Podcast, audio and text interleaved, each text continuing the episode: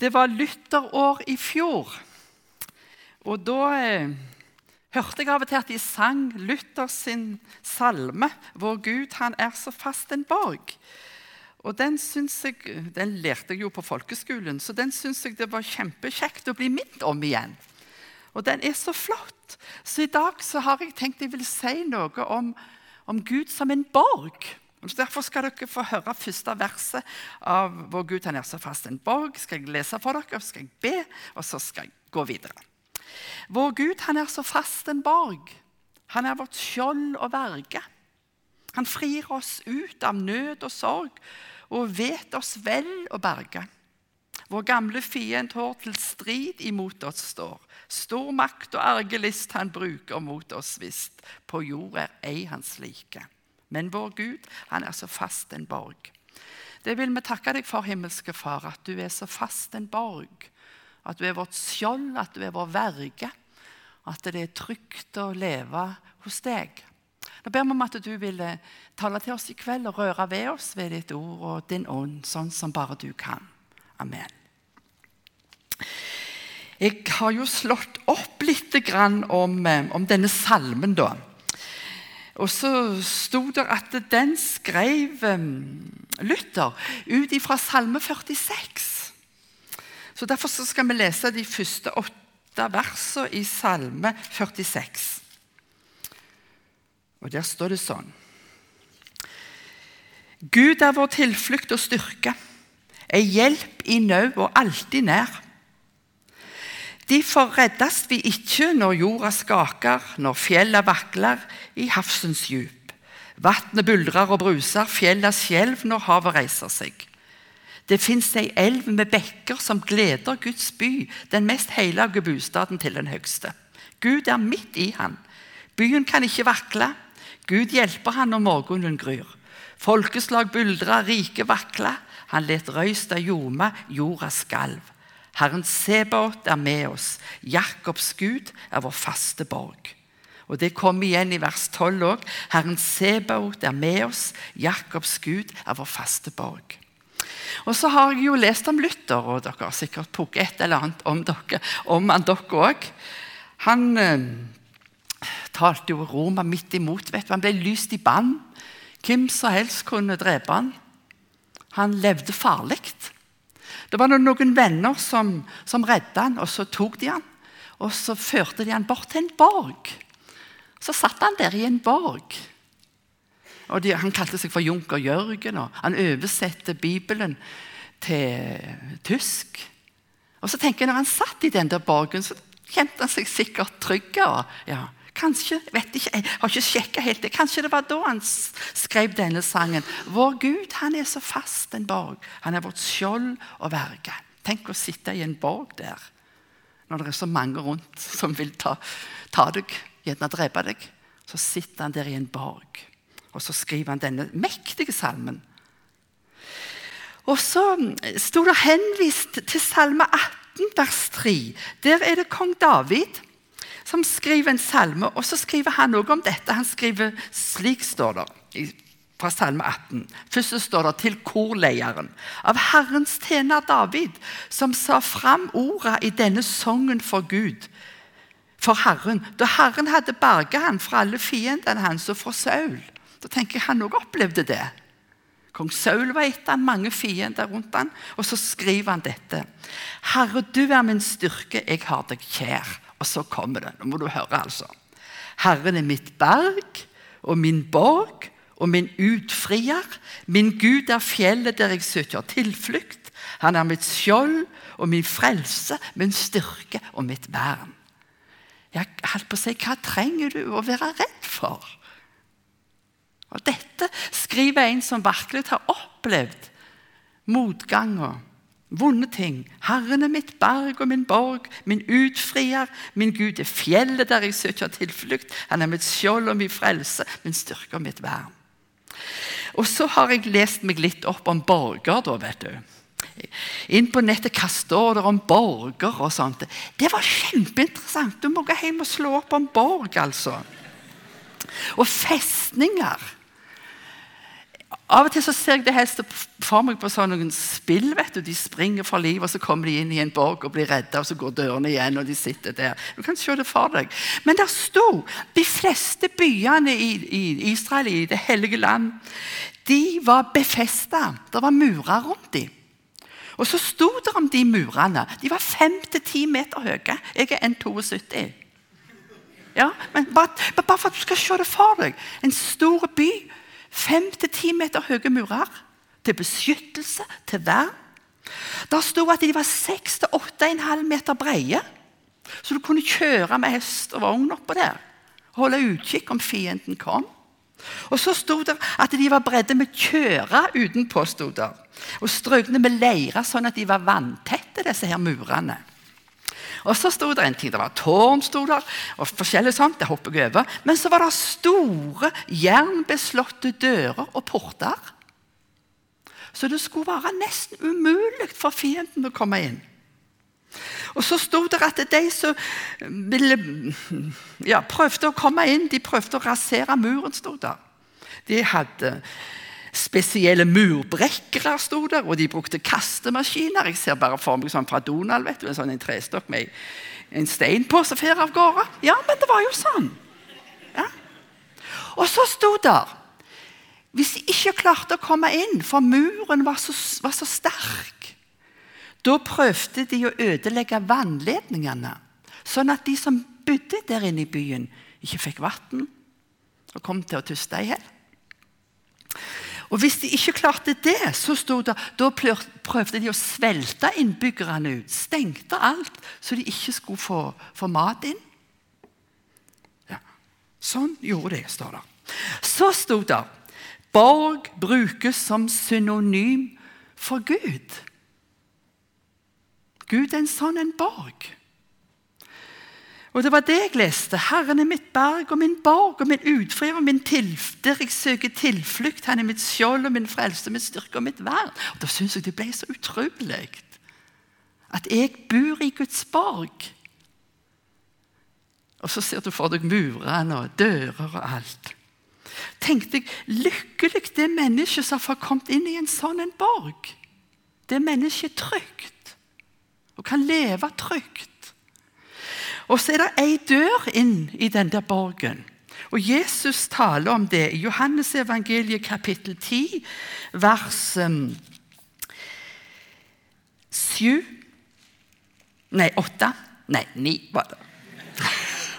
Det begynner i 7-8 altså òg. Men Jesus sier i vers 9.: Jeg er porten, eller jeg er døra. Den som går inn gjennom meg, skal bli frelst og fritt gå inn og ut og finne beite. Så ser jeg for meg denne her veldige borgen som det er så trygt å være i. Så sier Jesus, 'Jeg er døra. Gå inn. Gå inn.' Du er trygg. Du er trygg.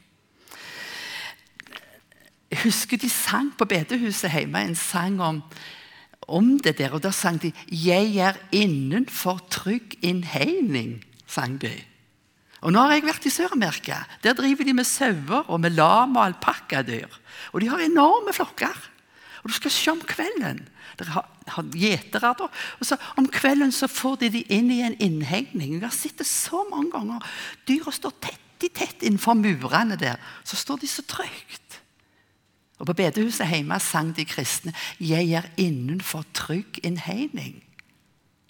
For Herren er min borg min bak Det er så mange bilder om, om frelsen i Gud og omsorgen hos Gud.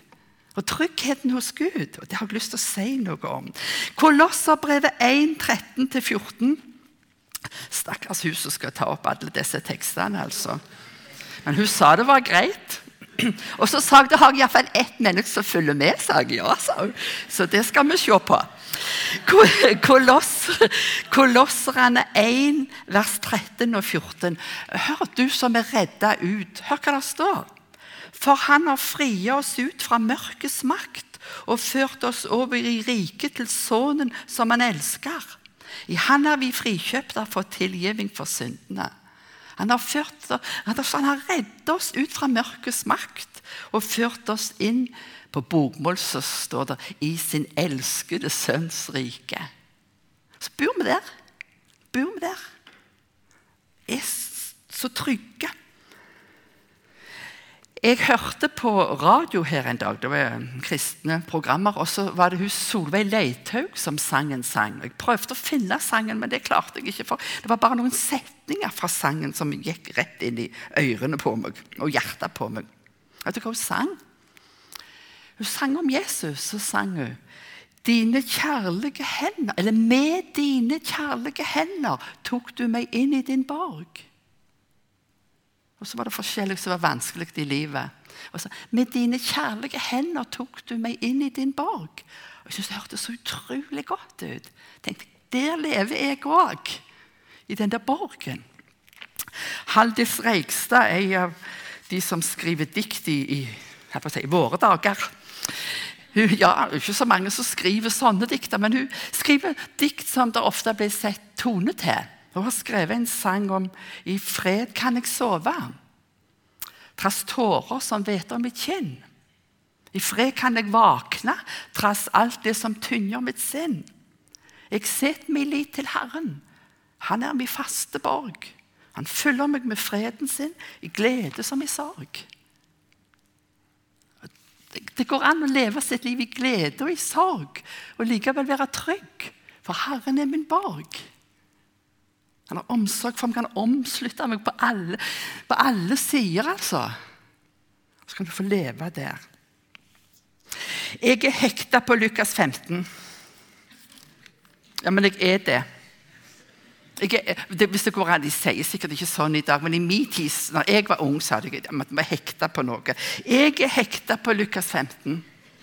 På beretningen om han der sønnen han faren som hadde to sønner, og den der yngste sønnen som, som reiste bort.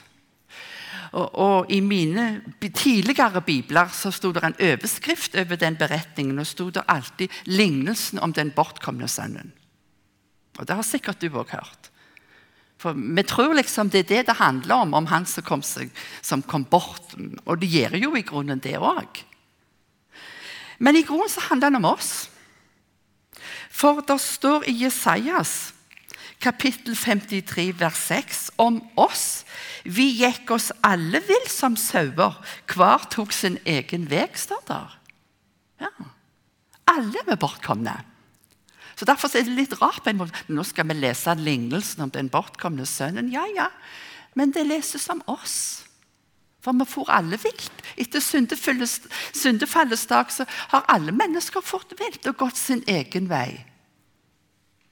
Derfor så elsker jeg overskriften på denne her Bibelselskapet sin 2011-utgave. Vet du hva det har stått overskrift der? 'Sønnen som kom hjem'. Og Det er jo det som er så fantastisk. Det går an å komme hjem. Det går an, det. Og Det er det beretningen handler om. At det går an å komme hjem. Og så eh, fortalte jeg dette her på et møte. Jeg var, så kom det ei dame bort til meg og sa jeg har en tredje overskrift jeg sa, i min bibel.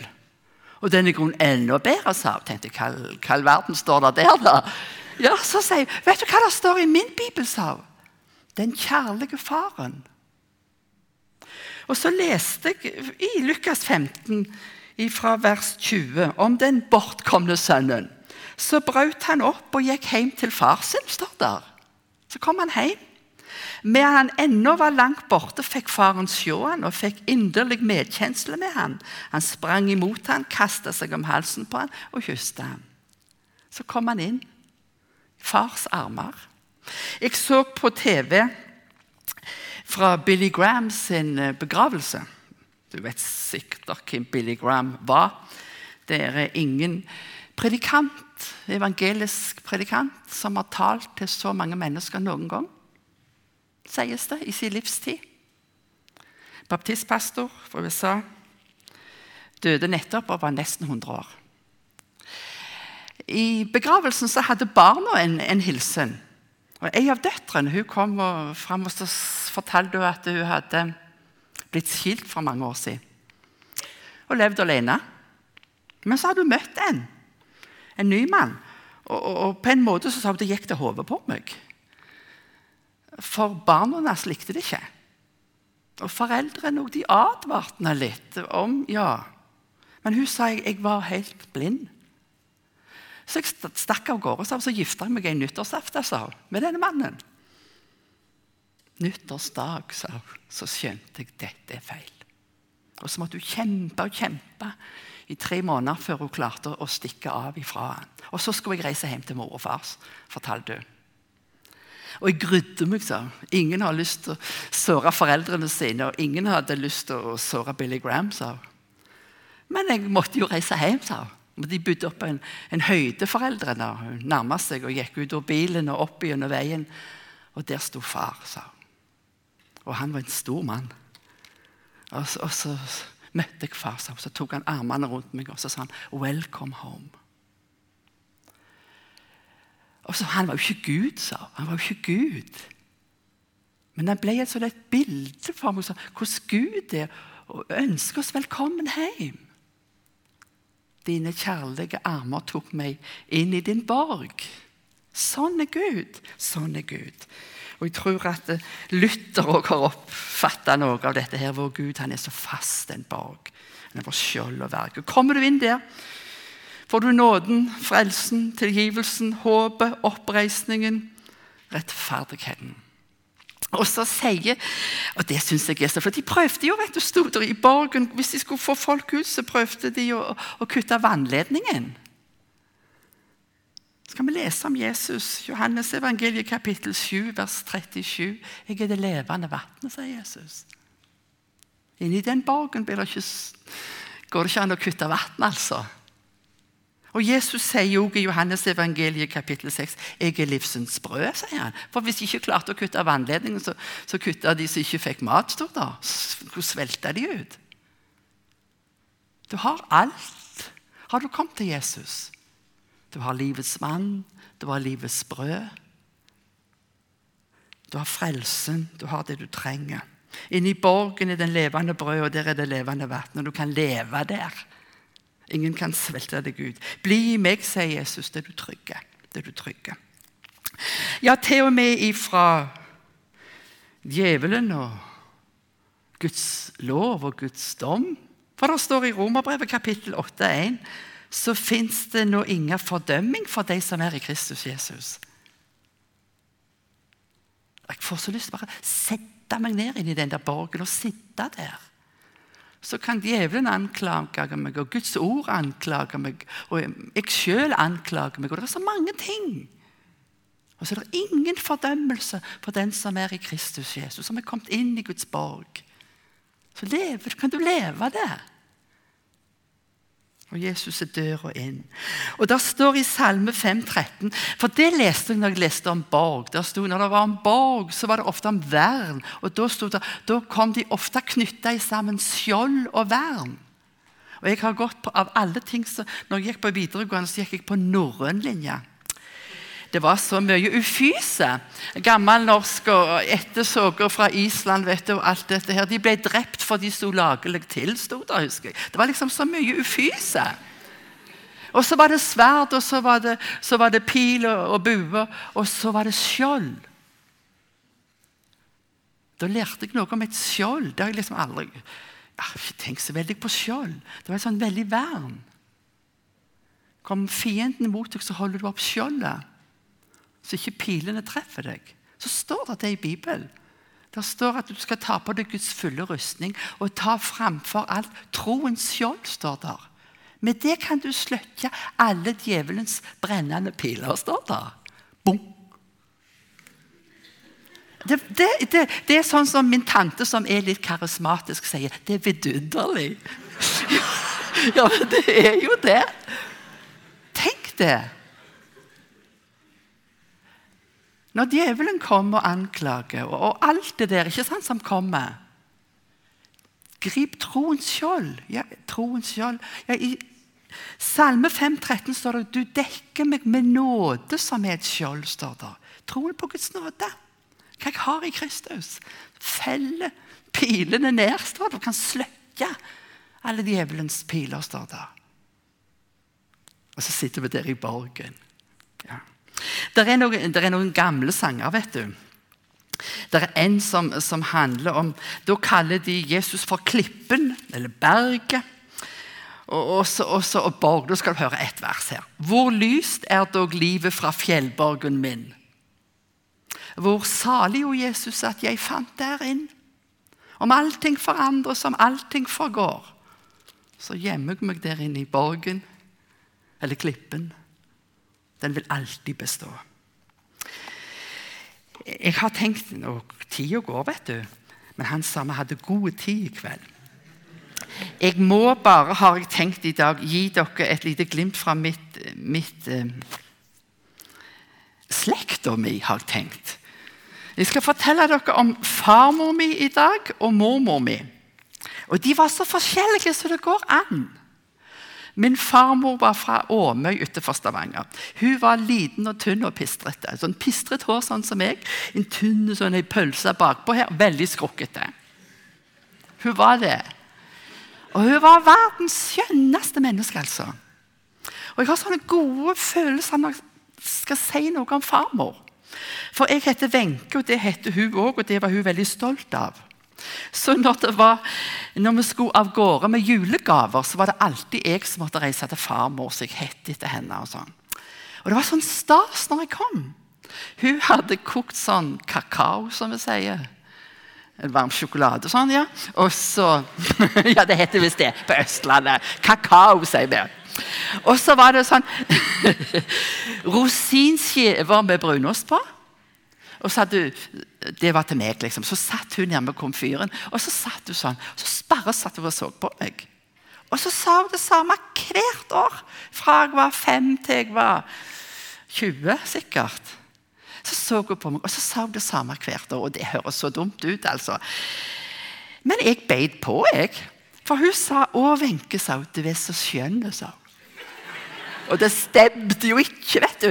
I, i, i ettertid har jeg tenkt hun må ha vært blinde. Ja. Men jeg har jo skjønt det der uttrykket at kjærlighet gjør blind. Det har jeg skjønt. Og hva, hva tror du det gjorde meg godt? Hva tror du det gjorde meg godt? Jeg visste jeg var så elska av farmor. Og jeg gledet meg hvert bare, ikke bare til jul, men hver gang jeg skulle reise til farmor. Nå kommer jeg til ei som liker meg. Jeg var jo knallheldig, vet du. Jeg var jo det.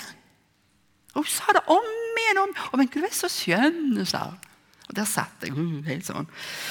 Ja. Var jo ikke det, altså.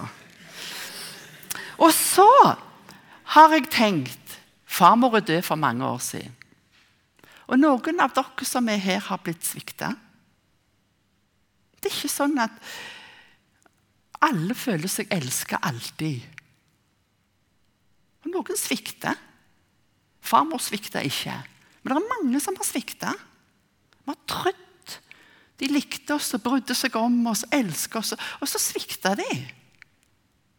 Så sier Gud i Jesajas 49, fra vers 14, Sion sier, 'Herren har forlatt meg, Herren har glemt meg'. Kan ei kvinne glemme sitt diende barn og ei omsorgsfull mor det barnet hun bar? Selv om de skulle glemme, skal ikke jeg glemme deg. Jeg har tegna deg i hendene mine. Murene dine er alltid framfor meg. Det er noe liksom så sikkert med Gud. Det er så fast, liksom. Det er Som, om alle andre skulle glemme deg, så glemmer ikke jeg deg. Jeg har tegna deg i hendene mine. Murene dine står alltid for meg. Og så leser jeg også Jeremias kapittel 31, vers 3. Skal du høre hva som står der? Der står det sånn Fra det fjerne synte Herren seg for meg. Med evig kjærleik har jeg elska deg, jomfru Israel. Derfor har jeg hele tida vist deg miskunn. Gud sier med evig kjærlighet har jeg, har jeg elska deg. Og så sier han derfor har jeg latt min miskunn mot deg være ved. Ja, for Gud er ikke blind. Kanskje farmor var det. Men Gud er ikke blind.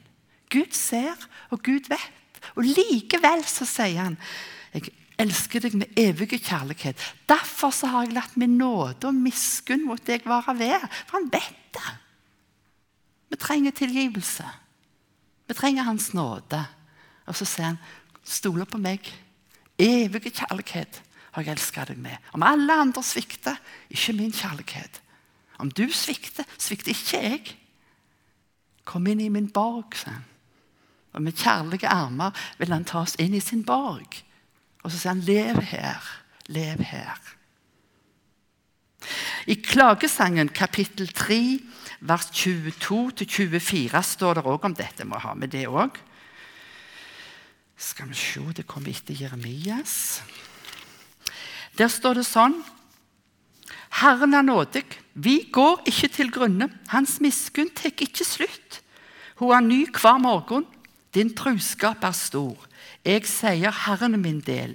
Jeg setter min von til Han. Jeg stoler på Han. Hans nåde er ny hver morgen. Hans kjærlighet er evig. Det lærte farmor meg. Ja. Og så var det mormor. Hun var helt annerledes. Hun kom fra en storgard. Hun hadde langt hår, lange fletter som rullet opp. sånn. Hun satt i en gyngestol og hadde stav og håndveske. Hun kunne alt om uh, fotball, alt om skøyteløpere, alt om politikk, alt om kristenlivet. Hun var så oppdatert. Hun var med på alt. Og så broderte hun hånda av sånn Hardanger til hun var 85. Hun var helt på han hele veien, altså. Hun var så annerledes enn min farmor. Men hun, hun ga alle oss, meg og søsken, og alt sånt, hun ga oss bibler til konfirmasjonen. Og Jeg fant nettopp fram min gamle bibel jeg hadde fått av mormor. Og da hadde hun skrevet og Jeg blir helt rørt hver gang jeg ser det. vet du. Da hadde hun skrevet til meg eh, et lite minne på konfirmasjonsdagen din. Må Gud velsigne din framtid, sto det. Og så hadde hun skrevet Salme 17, vers 8. Så tenkte jeg å, for et ønske hun hadde for meg. Vakta meg som din øynestein, gjør meg i skyggen av dine venger. Herlig. Og det var til Gud, liksom. På en måte Hun sa det må du vakte når Wenche som din øyenstein. Øyen, det er uttrykk sånn overført betydning. Det er jo noen du setter pris på, noen du elsker, noen du er glad i, noen du vil verne om det. Så jeg Min mormor sa til Gud må du vakte når Wenche som din øyenstein. Gjøymene i skyggen av dine venger. Jeg får sitere min tante igjen. Det er jo vidunderlig. Det er jo det, altså. Tenk å være så elsket av Gud. At han vakter oss som sin øyenstein. Det står i Sakarias kapittel 2, vers 12. Gud sier det hvis noen rører ved, ved deg, eller ved dere, sier han til Israel, så rører de ved min øyenstein. Ja. Noe som han verner. og du er elska av Gud. Og så, Nå har jeg en historie til der, vet du. Salme 91, vers 4, der står det òg om dette. Skal du høre? Der står det sånn Salme 91, vers 4. Under hans venger kan du søke ly. Med fjørene dekker han deg. Hans truskap er skjold og vern. Nå kommer det der igjen. Jeg har i siste par åra talt en del om Guds omsorg for oss. Ikke ut fra bildet om en borg, men ut fra bildet om, om ørna. Å bli båren på ørnevinger. Så var jeg en plass og så talte jeg om det, og så, og så leste jeg dette verset her. Under hans venger kan du søke ly, med fjørene dekker han deg. Hans truskap er skjold og vern. Og så sa jeg forskjellig om ørna. At du kunne lese aviser fra 500 meters høyde hvis du var interessert i å lese. og kunne det da. At du kunne komme opp i 30 km i timen. Og jeg hadde lest meg opp mye. Så kom det fram en mann etterpå. Han hadde sunget på møte eller sånn, sammen med en annen. Så kom han fram og sa det var veldig interessant å høre om Guds omsorg ut ifra bildet om ørn. og sånn, For jeg er ørneforsker. Åh, jeg, ble helt, varm. Jeg har sikkert sagt så mye galt. Jeg tenkte, Hva var det jeg sa? Nei, det var helt det var alt, det var ikke noe galt med det, altså. Men det var fantastisk å høre Salme 91, vers 4. sa han, Under hans venger kan du søke ly. Med fjørene dekker han deg. Hans trufasthet er skjold og vern. For jeg har hatt en veldig opplevelse med en ørn, sa han. Og Han sa det var majestetisk, sa han. For han driver og drev og merka havørnpar i Oslofjorden. For den bestanden har økt så veldig. Og han har i oppdrag å merke de, krype opp i reira, bedøve de, vege de og måle og sånt. Så det drev han på med. Så var jeg ute i Oslofjorden så var det et ørnepar oppi et reir. Havørnpar. Og så føk den ene før jeg fikk bedøvd den, men den andre fikk jeg bedøvd, sa han. Og hun lå der. Og så klatra jeg jo opp. Jeg skulle jo veke og måle. og Så kom det et fryktelig regnvær. Så tenkte jeg nå blir jeg blaut, for han hadde en sånn tynn jakke på seg. Men så sa han, så tenkte jeg jeg kan vel krype under ei ørnevegg. 2,65. Ja. Så jeg krøp oppi, sånn. Trakk ut en vegg. Og Så sa han ikke sikkert det er lov engang, men jeg la meg unna en han. Og det regna i 20 minutter, sa han. og jeg krøp fram, og jeg var helt tørr. sa han. Og så sier han Men det som var majestetisk, som han sa, det var at jeg hørte hjerteslagene hele veien. Tung, tung, tung. Så lå jeg der i 20 minutter, sa han. Og det var med ei ørn, sa han. Og så har du lest om Gud, sa han. Under hans venger kan du søke ly, med fjørene dekker han deg. Hans truskap er skjold og vern. Og så synger vi, vet du. Bare på grunn av din nåde, bare på grunn av ditt blod. Far, får jeg lov til å komme bare fordi du er god. I dine kjærlige armer nåde å få, tett inntil ditt bankende hjerte, får jeg lov å komme nå. Hvis du holder fram våre synder, hvem kan da gå fri? Men bare av din nåde er fortidens feiltrinn forbi. Bare av din nåde, bare av ditt blod. Far, får jeg lov til å komme, bare fordi du er god. I dine kjærlige armer, eller under dine kjærlige vinger. Nåde å få. Tett inntil ditt bankende hjerte får jeg lov å komme nå. Hans trofasthet er skjold og vern. Og jeg, jeg, får så lyst til å tenke jeg skal sitte i den borgen hele mitt liv. De murene med det levende vannet, med livets brød, med det jeg trenger. Med rettferdigheten ikledd, med håpet, med oppreisningen. Jeg skal nyte livet, altså. Ja. Alltid Jesus. Alltid han. Og så, Nå avslutter jeg fra Bibelen, og så skal du få et lite fra Peru. Men Salme 50, vers 15 det er det siste jeg skal lese fra Bibelen. Tror jeg. Ja, men jo, det, det er sant, altså. Der står det sånn Kall på meg den dag du er i nød, så vil jeg frie deg ut, og du skal gi meg ære. Når jeg hadde blitt en kristen som tenåring, da tenkte jeg at når jeg hørte det verset, at det gjelder om min siste dag. På nødens dag. Det gjelder når jeg dør, tenkte jeg. Men det er jo ikke det. Altså, Det gjelder jo da òg. Men nødens dag kommer mange ganger gjennom livet. den. Du har sikkert, om du var ung, allerede truffet på nødens dag. ikke sant?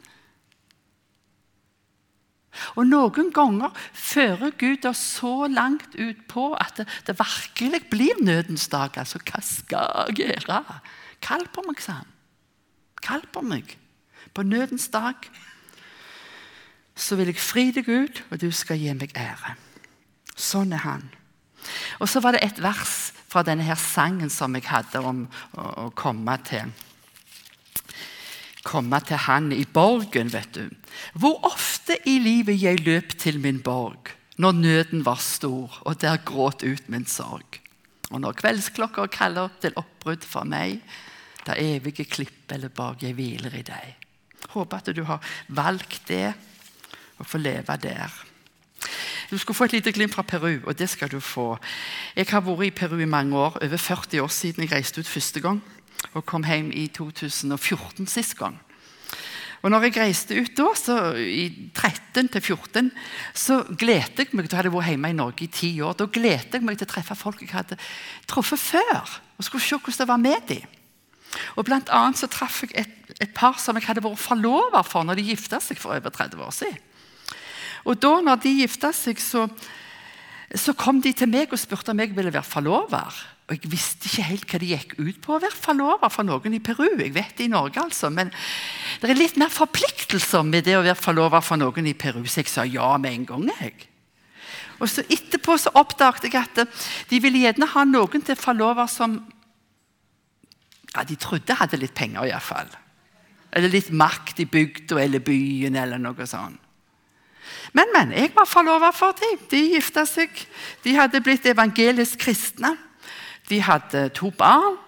De hadde bare vært samboere, så de ville gifte seg og de ville bli medlemmer i kirka. Og jeg skulle være forlover. Og det var jeg. Og åra gikk, vet du. Så oppdaget jeg hva som lå i det å være forlover. For hvis uh, de trengte litt penger, liksom, så kunne de komme til meg. Og så hvis når barna skulle gå på skole og skulle ha litt ekstra, så var det greit å ha en, en, en forlover. Og de kaller ikke en sånn, Hvis du er en dame som er forlover for noen, så blir du madrina, nesten lille mor på en måte. Og en mann blir padrino, lille far.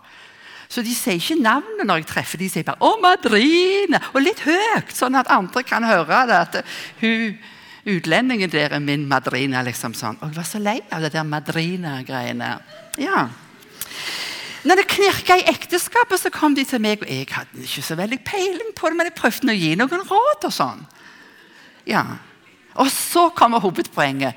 De levde av at han hadde en lastebil og kjørte varer fra byen ut til landsbygda. Og han var så opptatt med den lastebilen. Kona sa han er mer gift med lastebil enn med meg. Ja, Så ba de meg ut på middag. Da når vi kom til desserten, så sa han nå kommer det, Wenche. Og da kom det ganske riktig. Da skulle jeg irettesette han for et eller annet. sånt. Og Ofte var det noe med lastebilen. Han er aldri hjemme, sa han. er bare ute med lastebilen. Og så Jeg òg var lei av lastebilen.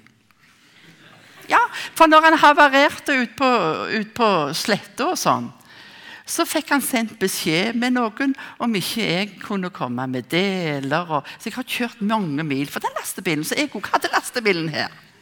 Men så sier Maria og Pedro heter de, så sier Maria jeg, altså jeg er jo litt opptatt av at han er så opptatt av lastebilen og mer enn med meg og ungene. og sånn, Men mest av så er jeg så bekymra for han. For han har aldri tid til å gå til gudstjeneste på søndagen. Kommer hjem på lørdagen, noe galt med bilen, skal opereres, nei, repareres, opereres og alt. Og av gårde. Og han får aldri gått. Så. Jeg er så bekymra for han. At han ikke skal få tid til å liksom, leve med Gud. Og så skulle jeg si noe da, vet du. Sånn var det alltid. I alle år. sånn opp igjennom. Så da jeg reiste til Peru nå, så var jeg så spent når jeg treffer Maria og Pedro og det er med dem. Så jeg gikk jeg i kirka der de hørte til. Når jeg kom inn, så satte jeg meg litt langt nede. Der satt Maria. vet du, og vinkte til meg. Ingen Pedro. Og jeg innrømmer at jeg tenkte han er der nok ikke. Men så når det lei litt ut i møtet, så sier han møtelederen at nå skal vi feire nattverden. Og da har jeg bedt dere som er eldstebrødre i forsamlingen sa om å komme og være med meg og dele ut natta. Der spratt de opp. Tror du ikke Pedro var en av de? Og er du eldstebror i en menighet, da går du altså tenkte jeg, Er han eldstebror i menigheten? Ja, han var, vet du. Og Senere, når de tok opp kollekten, så trodde ikke han pastoren igjen. sa ja, broder Pedro, sa han. Kan ikke du komme fram og be for mm, kollekten? Og broder Pedro kom. Og jeg var så glad, kjente det. Så jeg traff de ute i gangen etterpå. og Han hadde sånn humoristisk sans, han Pedro. Så sa han jeg så du ble forskrekka når du så meg, sa han. Du, du trodde vel det jeg var ute med lastebilen, sa han. Så sa jeg ja, jeg ble forskrekka, men jeg ble kjempeglad. sa jeg.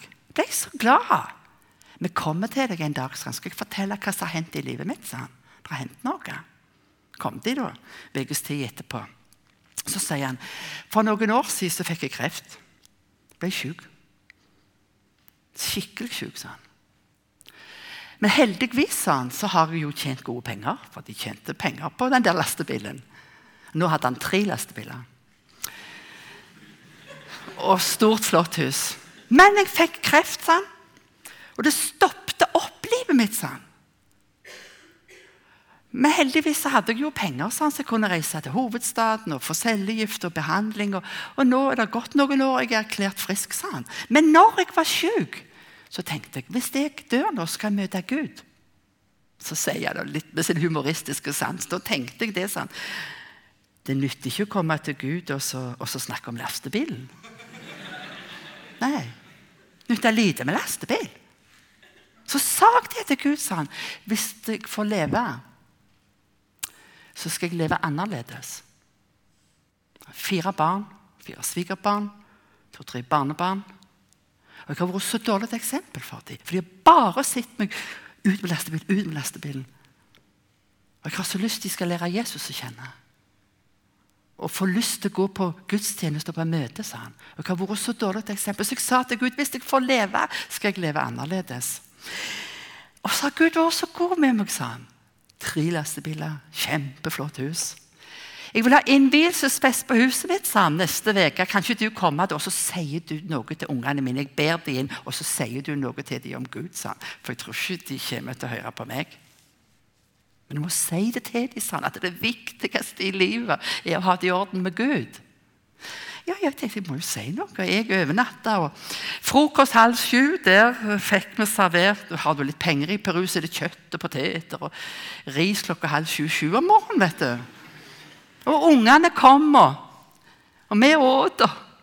Så spretter den yngste sønnen opp, og så sier han halv sju-sju Nå er det blitt halv åtte.